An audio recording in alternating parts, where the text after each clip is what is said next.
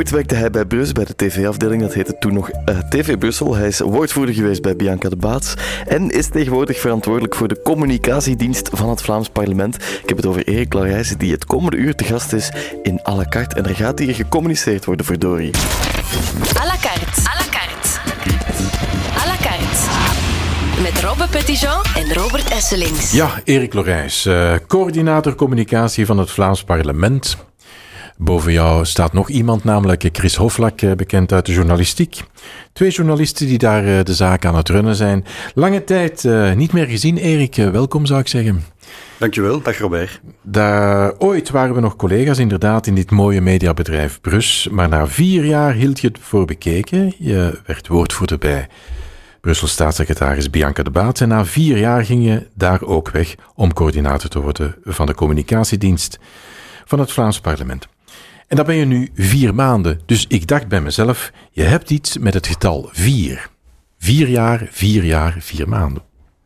Ja, dat is niet zo bewust gedaan, maar uh, zo draait het wel uit. Ik denk na vier jaar, na drie jaar heb je zo het gevoel van, ik heb het hier onder de knie. En in dat vierde jaar begin je dan eens rond te kijken, zeker. Misschien gaat het zo. Het is volledig onbewust. Ja, zeg nu zelf uh, in je jonge leven, je bent nu 34, uh, eh, wat vond je de leukste, interessantste, boeiendste periode? Die van Brus, die van de Baats of nu in het Vlaams parlement? De leukste periode was absoluut hier bij Brus. Um, het was hier elke dag ambiance. Ik neem aan dat hier nog altijd zo is. Ja. Um, qua jongensstiel? Qua jongensstreken, die kwamen zeker ook van mij. Ik hoop dat dat nog altijd zo is. Um, waar ik werk, maar ook hier gewoon. Hè. Maar um, de boeiendste periode was de afgelopen periode bij Bianca de Baat. Omdat je dan plots in de cockpit zit van, um, ja, van Brussel voor een stukje. En dan merkt hoe beslissingen genomen worden. Hoe dat soms op een, een nogal um, wenkbrauwfronsende manier gaat. Maar je leert dat wel eens kennen. En dat is uh, iets wat ik neem, meeneem voor de rest van mijn leven. Ja, en nu zit je daar als coördinator van de communicatiedienst van het Vlaams parlement. Wat dat er precies is, dat gaan we zo meteen uh, verder uitpluizen. Erik Lorijs, coördinator van de communicatiedienst van het Vlaams Parlement. Het klinkt heel plechtig en volledig, maar wat doe je eigenlijk?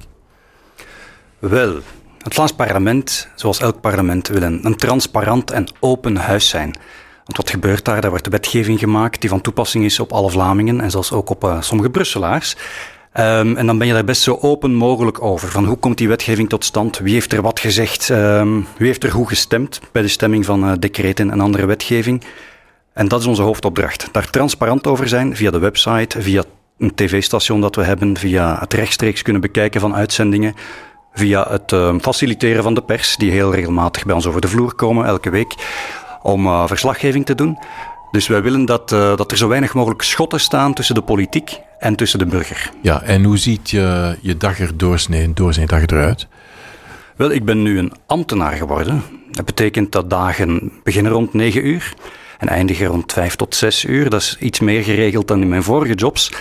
Um, ik stuur een team aan van een zevental mensen. Iemand die interne communicatie doet, iemand die met de pers werkt, iemand die de website up and running houdt. En evenementen is ook een belangrijk deel van onze opdracht. Wij ontvangen um, 20.000 al bezoekers op jaarbasis, waarvan 70% scholieren zijn uit middelbare scholen, maar ook uit lagere scholen. En heel wat events van um, mensen die bij ons een zaal huren, belangenverenigingen die een, uh, een colloquium organiseren. Die mensen onthalen wij op de best mogelijke manier. We hebben ook een bezoekerscentrum, mm -hmm. dat is nieuw sinds een jaar.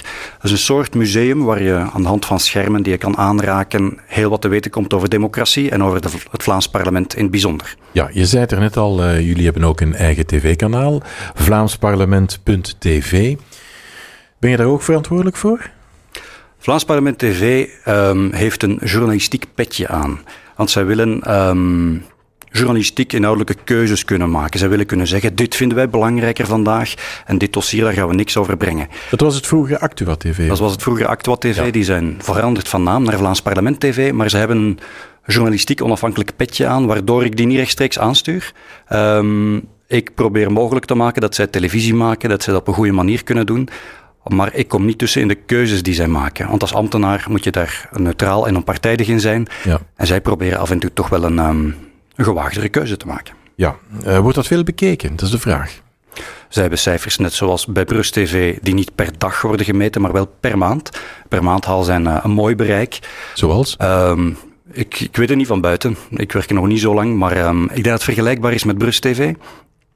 Um, alleen, het is moeilijk om als kijker te weten wat je precies aan het zien bent. Ja. Je valt daar dan in. In een en debat, je ziet ja. telkens opnieuw um, dezelfde setting, namelijk een parlement met mensen die, die vragen stellen aan elkaar. En ja, dan is het de kunst om de kijker te gidsen. Wat ziet u nu? Ook s'nachts wordt er uitgezonden, hè? ook in de vakantieperiode.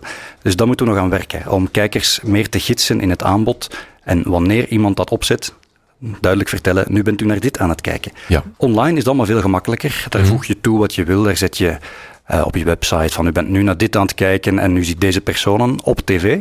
Dan merk je dat tv eigenlijk een... Um, een oud medium aan het worden is, waar je heel weinig kan op ingrijpen, weinig interactie met de kijker. Online is dat veel gemakkelijker. Um, Zoals een beetje hier, hè? Uh, ja, het is eigenlijk die kant dat het uitgaat. Nu, uh, je, je bent journalist geweest, je bent woordvoerder, woordvoerder geweest van, uh, van de staatssecretaris De Baats. Twee jobs die toch nogal af en toe zenuwslopend zijn, uh, kan ik mij, en gejaagd zijn. Nu, het leven, zoals je zelf zegt, in het parlement is iets rustiger. Het ritme is dan toch ook helemaal anders.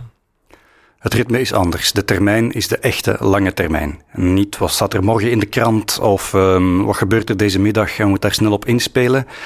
Um, we zijn als ambtenaren civil servants en we, we dienen geen partijbelang of het belang van een persoon of van een merk of van aandeelhouders, maar het algemeen belang. Het belang van al die 6 miljoen Vlamingen. Um, en ambtenaren moeten voor een stuk zelf invullen wat dat betekent, het algemeen belang. En dat is wel boeiend aan de job. Um, die lange termijn vul je zelf een stukje in samen met je team en samen met de hiërarchie, want ambtenarij is ook hiërarchisch gestructureerd. Ja. Een project is niet morgen klaar, maar moet eerst goedgekeurd worden door uh, andere niveaus, voordat je daar zelf stappen in kan zetten. Het, het gaat, gaat trager. Uh, en dat is soms frustrerend, dat geef ik toe, maar ik denk dat het eindresultaat wel beter en professioneler zal zijn dan de dagjespolitiek van vroeger. Wel aan dan. Ja, we hadden het net over Vlaams Parlement TV. Ik ben een van die mensen die daar eigenlijk heel graag naar kijkt. Een soort van slow TV, waar soms echt af en toe, gebeurt er dan iets spannends en wordt er wat geschreeuwd naar elkaar. Ik vind dat heerlijk om uh, naar te kijken. Ja, Erik, uh, je woont in Brussel, meer bepaald in Jette. En je bent ook zeer begaan met Brussel, uh, dat weten we allemaal.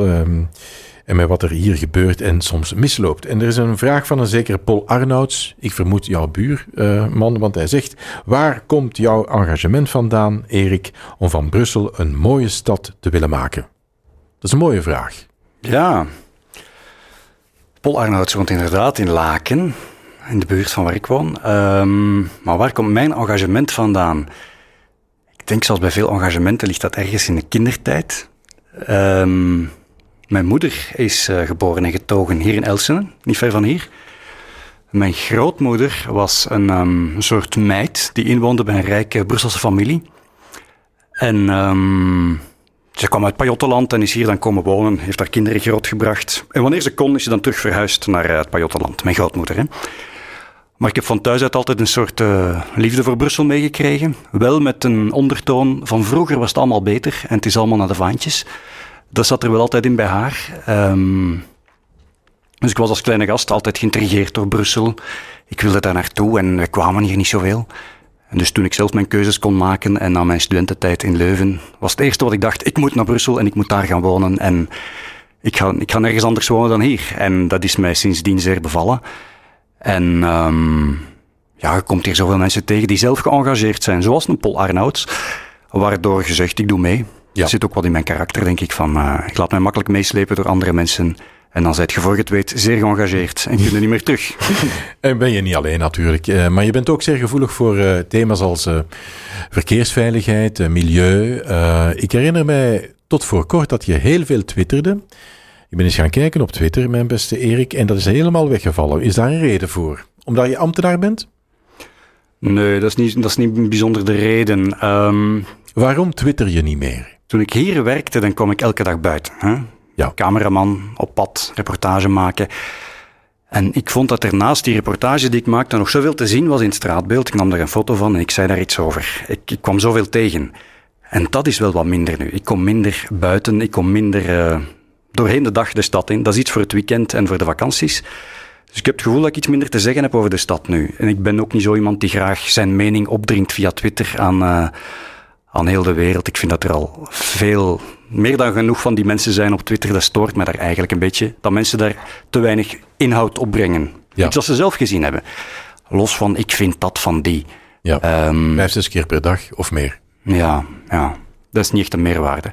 Maar ik, zou het, ik zou het eigenlijk meer moeten doen. En meer, wat, uh, meer te voet gaan in plaats van de metro te nemen. De metro marcheert zeer goed in Brussel, maar je zit toch onder de grond en je merkt weinig van wat er allemaal boven je kop gebeurt. Ja, uh, de algemene vraag is natuurlijk, uh, gaat het in Brussel dan beter dan vroeger? Of uh, is alles opgelost? Of wat stoort jou nog altijd in Brussel? Wel, spijtig genoeg is mijn grootmoeder overleden, maar ik zou ze graag eens meegenomen hebben naar Brussel van vandaag. Um, ik denk dat het er helemaal anders uitziet dan het Brussel dat zij zich herinnert. En zeker het centrum dan. Um, kunt veel zeggen over Yvon Majeur, maar hij heeft toch de beslissing genomen om dat centrum autovrij te maken. Hij heeft daar gedurfd, hij heeft doorgepakt, ondanks de kritiek van handelaren en ook van de pers. Heeft hij dat toch maar gedaan. En vandaag is dat centrum onmiskenbaar een hele grote stap vooruit tegenover vroeger. En eindelijk komt dat op het niveau van Gent en een Antwerpen, Vlaamse steden die al decennia vroeger die stap hadden gezet naar een minder... Um, minder druk en minder jaren 70 centrum. Dat is de verdienste van Yvan Majeur. En dat mag eigenlijk wel eens gezegd worden. Die man heeft ook dingen verkeerd gedaan. Maar dat vind ik straf. En um, dat geeft hoop voor Brussel. Ook voor andere buurten. Het Jourdanplein in Etterbeek is dan ook dezelfde weg opgegaan. Heeft de parking weggenomen en heeft daar een, een aangenaam plein van gemaakt. En die beweging um, is gestart door burgers, maar het zijn een aantal politici die daar moedige beslissingen hebben genomen. En ik denk dat dat een klok is die niet meer terug te draaien valt en positief. Dus de stadsplanning in Brussel um, is zeker iets dat Brussel mooier maakt en uh, aangenamer om in rond te lopen. Um, en verkeersveiligheid is iets dat de laatste twee, drie jaar meer naar boven is gekomen als een groot aandachtspunt van burgers. En absoluut terecht, um, maar daar is nog een weg te gaan. Er vallen misschien niet zoveel verkeersdoden in Brussel. Maar als er vallen is het altijd een heel groot drama. En um, voelt iedereen, dit had ik ook kunnen zijn. Ik had daar ook kunnen wandelen. Dus we moeten absoluut naar nul verkeersdoden. En dat is los van politieke overtuiging. Denk ik dat de geesten daar nu wel gerijpt zijn. Iedereen staat op dezelfde, op dezelfde golflengte. Wij moeten naar nul verkeersdoden. Ja. Maakt niet uit of je links, rechts, groen of rood bent. Het is ook zo, laatste vraagje. Als je kinderen hebt en je hebt er twee, ben je daar extra gevoelig aan natuurlijk. Ja, kinderen. Um, kinderen denken niet na over de gevaren die het verkeer inhoudt. Die lopen gewoon op straat. En die, het is hier hun stad. Hè.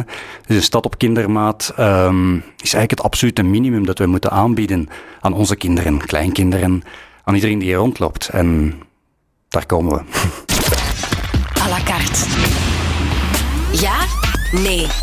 Ja, nee, uh, beste Erik. Uh, snel antwoorden, niet te lang nadenken, is de boodschap of de vraag. Hier gaan we dan. Het Vlaams parlement is stukken boeiender dan het Brussels parlement. Ja. Federale verkiezingen lijken onvermijdelijk. Nee. Politiek wordt almaar bitser en persoonlijker. Nee. Moeten politici zich laten bijstaan door gewone burgers om hun werk te kunnen doen? Ja. Ja. En dat is inderdaad het idee van uh, de participatieve democratie, onder meer verdedigd door David van Rijbroek. Volgens de ene is dat de absolute redding van de politiek, volgens de ander is dat het absolute bedrog. Want de gewone burger bestaat niet en kan nooit worden afgestraft door verkiezingen bijvoorbeeld. Maar jij zegt ja. Contact met de burgers, met de kiezers moet er absoluut zijn. Mensen in het parlement vertegenwoordigen een bepaalde groep kiezers. Als je daar dan los van staat van die groep, dan uh, ben je slecht bezig betekent dat dat je kiezers, gewone mensen, het stuur moet geven van democratie en zeggen: doe maar, hier, vind maar eens uit waar, uh, waar er vandaag over gestemd moet worden en doe maar. Dat werkt ook niet.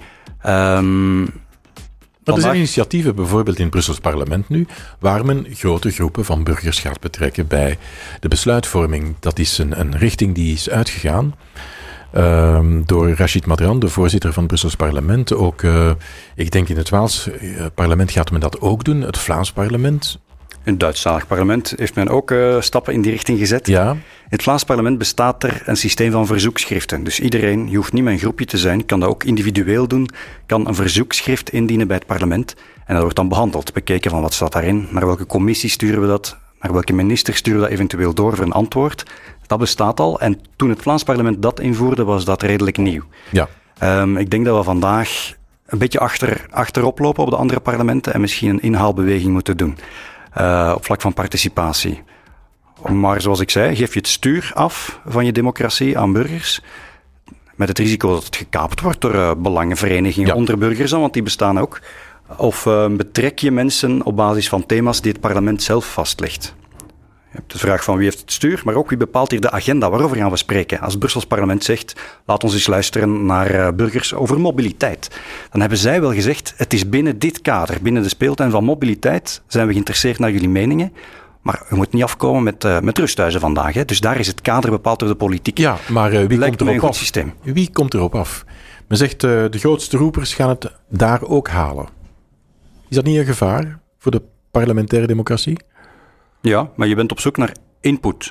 Input om dan je stem als parlementslid uh, op te bepalen, op te baseren. Um, ik denk niet dat het een goede zaak is om de grootste roepers maar te laten stemmen, en, want dan krijgt de grootste roeper gelijk. Nee, de stemming moet gebeuren door parlementsleden die verkozen zijn door iedereen. We hebben een algemeen stemrecht, iedereen moet hier naar de stembus. En dat moeten we denk ik houden, dat is een goede zaak. Maar dat het debat verrijkt wordt door uh, stemmen van burgers, dat is goed. En dat is vandaag eigenlijk al het geval via sociale media en Twitter en dergelijke meer. Maar ook daar krijgen de grote roepers veel aandacht. De vraag is, hoe betrek je die stille mensen die niet geïnteresseerd zijn in politiek en die zeggen, ze kunnen allemaal de boom in. En dat zijn heel veel mensen. En toch zijn we geïnteresseerd in hun mening. En daar is vandaag nog geen sluitend systeem voor, hoor. Um, maar het is goed dat er experimenten zijn in verschillende richtingen, in verschillende parlementen. Als er eentje ooit zeer succesvol is, dan um, moet dat uh, overal toegepast worden. En het Vlaams parlement moet ook zijn bijdrage doen aan, aan, die, um, aan die zoektocht naar wat is nu de juiste manier om de mening van mensen in het beslissingsproces binnen te brengen. À la carte. Op de plank. En Erik, uh, wat mogen we verwachten de komende weken, maanden van het Vlaams parlement? Veel, Robert. Het Vlaams parlement verjaard dit jaar. 25 jaar geleden, een kwart eeuw geleden, um, vond de allereerste verkiezing plaats van, de, van het Vlaams parlement. Een bijzondere verjaardag. En ook 50 jaar geleden, in 2021, maar we vieren dat als één periode, bestaat de voorloper van het Vlaams parlement 50 jaar. Dus we staan voor een 25-50 feestperiode. En dat we was gaan, toen de, de Vlaamse Raad, of hoe heet dat was het? toen de, um, de Cultuurraad, ja? Ja. De Cultuurraad van de Nederlandse Cultuurgemeenschap. De eerste keer dat um, in de jaren 70 dat Vlaanderen autonomie kreeg. Eerst een beetje, en dat is uitgegroeid tot wat we vandaag hebben. Een, een Vlaamse overheid die 50 miljard per jaar uitgeeft, die, uh, waar het zwaartepunt bij de regio's ligt. Maar dat is toen begonnen. En om dat uh, te herdenken, maar ook om vooruit te blikken naar de toekomst, doen we een feestjaar met um, letterlijk feest, maar ook met lezingen, met uh, aandacht voor wat we, voor wie we zijn als Vlamingen, van hoe die Vlaamse democratie verder kan evolueren. Je zal nog veel van ons horen en misschien hier ook op Brus. Ja, en met uh, majoretten en zo. En dat komt er ook allemaal bij? Of uh, wordt het serieus? Nee, toeters, bellen en serieus. Dat, is, uh, dat valt te mixen, denk ik. Oké, okay, je gaat nu straks uh, terug, vermoed ik, naar het Vlaams parlement. Wat ga je vandaag nog doen? Vandaag heb ik een aantal vergaderingen over een nieuwe website. Onze website is zes jaar oud nu. Dat is in websiteland stevig. Dat is al redelijk oud, dus tijd voor een nieuwe. Um, Geld uitgeven dus. Maar die moet ook transparant zijn en toegankelijk. Daar gaan we aan werken en het komende jaar uh, mag u die nieuwe website verwachten. Ja. Dat is fijn. Zolang die niet zoveel kost als die omstreden app. Uh, die, ja, de Coke-app. De ja, dat was om te lachen, dat was om te lachen. Is het allemaal oké, okay, denk ik. Je hebt het gehoord, er komt een nieuwe website aan bij het Vlaams parlement en het wordt een feestjaar.